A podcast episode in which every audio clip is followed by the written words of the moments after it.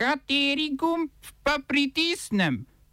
Tisti, na katerem piše OF. Izraelska vojska Gazo obstreljuje tudi stopništvom. Odstopila kolumbijska zunanja ministrica. Sojenje Janezu Janši predstavljeno. SDS tudi uradno najbogatejša politična stranka. V kulturnih novicah pa Dimitri Rupel na Jaku jezdi iz pokoja.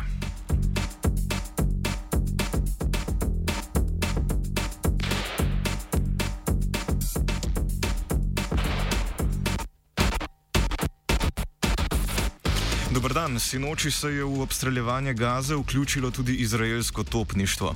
Kopenska vojska zaenkrat ni stopila v Gazo, a kot pravi večni premijer Izraela Benjamin Netanjahu, je kopenska invazija na Gazo na mizi. Izraelska vojska je ukrepila tudi letalske in ladijske napade ter mobilizirala še dodatnih 9000 rezervistov.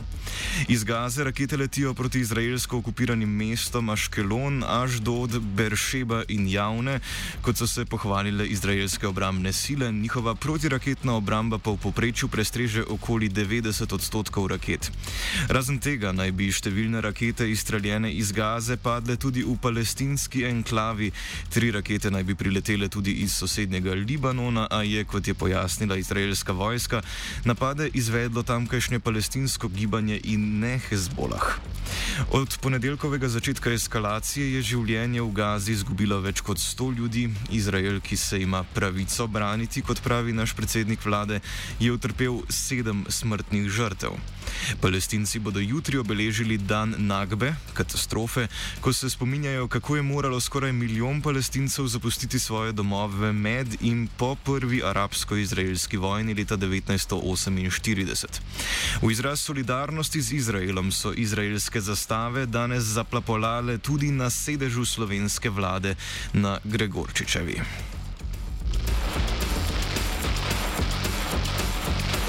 V Kolumbiji se nadaljujejo že dva tedna trajajoči protivladni protesti, ki jih policija nasilno zatira. Umrlo je namr, najmanj 42 ljudi, 170 jih je pogrešanih.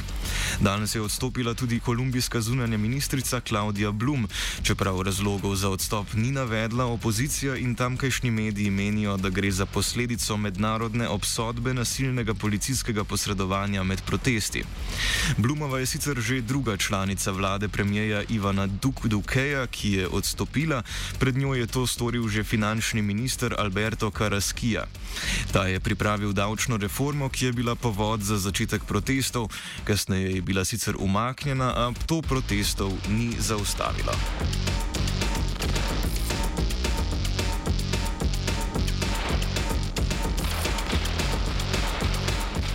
Volilne oblasti v Venezueli so včeraj napovedale regionalne in lokalne volitve za 21. november, potem ko sta predsednik Nicolás Maduro in opozicija izrazila pripravljenost na dialog, ki ga ni bilo od avgusta 2019.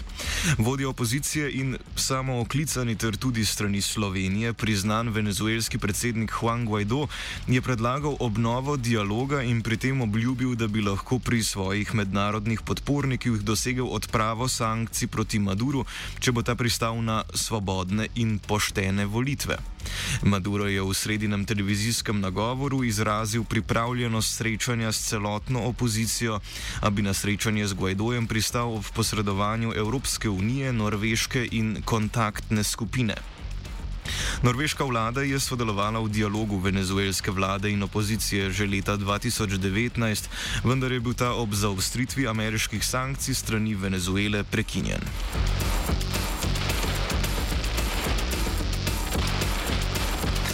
Sodelavci ruskega opozicijskega aktivista Alekseja Navalnega, ki prestaja zaporno kazen dveh let in pol, so danes poročili, da zaradi represije vlade do organizatorjev protestov teh ne bodo več vnaprej napovedovali, ter bodo sedaj potekli spontano. Leonid Volkov, sodelavec Navalnega, je na družbenih omrežjih včeraj sporočil, da se na dosedaj napovedanih protestih ruske oblasti aretirale več kot 1700 ljudi. Protesti v Rusiji potekajo že od od januarja, zastrupitev Navalnega in njegova aretacija pa sta bili izgovor za uvedbo sankcij Rusiji strani Evropske unije in ZDA.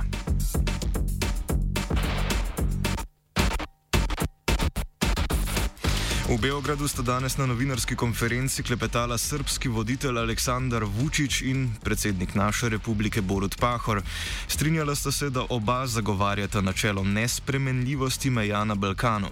Ob tem je Pahor izrazil skrb, da bi lahko non-paper afera Slovenijo diskreditirala kot iskrenega prijatelja vseh narodov in držav Zahodnega Balkana kar je očitno Slovenija predtem očitno bila.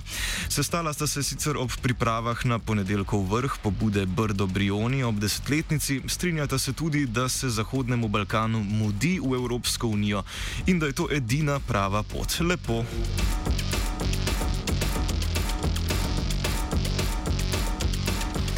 Znanstveniki Univerze v Birminghamu so v sodelovanju z britanskim javnim zdravstvom izvedli raziskavo, ki je pokazala, da daljši čas med dvema odmerkova Pfizerjevih cepiv povzroči nastanek večjega števila protiteles.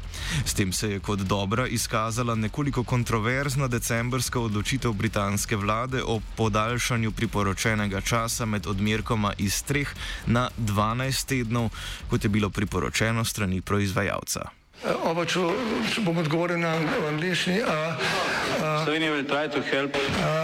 We can Slovenija will and we will do our utmost To say that the situation is our problem ourselves. and uh, We will make further steps as soon as the conditions are. bomo vlado Marjana Cererja, Mira, eh, Marjana Cererja Šarca podprli. uh, very, very serious. we know how and we will.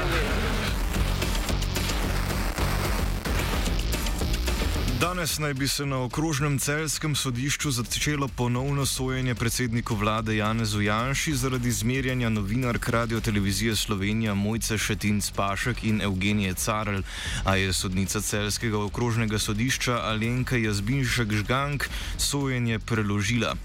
V tričlanskem sodnem senatu sta namreč kar dva sodnika, porotnika, člana stranke SDS. Više celsko sodišče je razveljavilo sodbo iz leta 2019, ki je Janšo obsodila na pogojno zaporno kazen, ker je nadomestno sodnico porotnico na prvostopenski obravnavi imenovala oseba, ki za to ni imela pooblastil, še preden je bila prva porotnica razrešena dolžnosti. Po sklepu višjega sodišča bo novo sojenje potekalo pred popolnoma spremenjenim senatom. Novo sojenje je napovedano za 1. juni.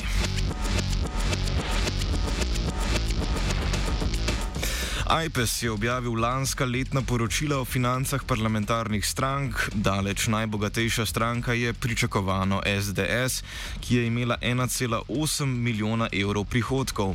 Stranka je tudi največ porabila in sicer nekaj več kot milijon evrov. Sledijo ji socialni demokrati z 900 tisoč evri prihodkov in dobrimi 700 tisoč evri odhodkov. Najbolj zapravljiva stranka je Levica, ki je edina porabila več, kot je imela prihodkov. Največje razlike so med strankami v privrčevalnih sredstvih. SDS ima na računu nekaj manj kot 2 milijona evrov in pol, okoli pol milijona imajo še ostale vladne stranke SMC, NSI in Desus. Opozicija je predvsej revnejša, edino SD ima na računu približno 370 tisoč evrov, ostale stranke pa imajo nekje med 100 in 200 tisoč evrov.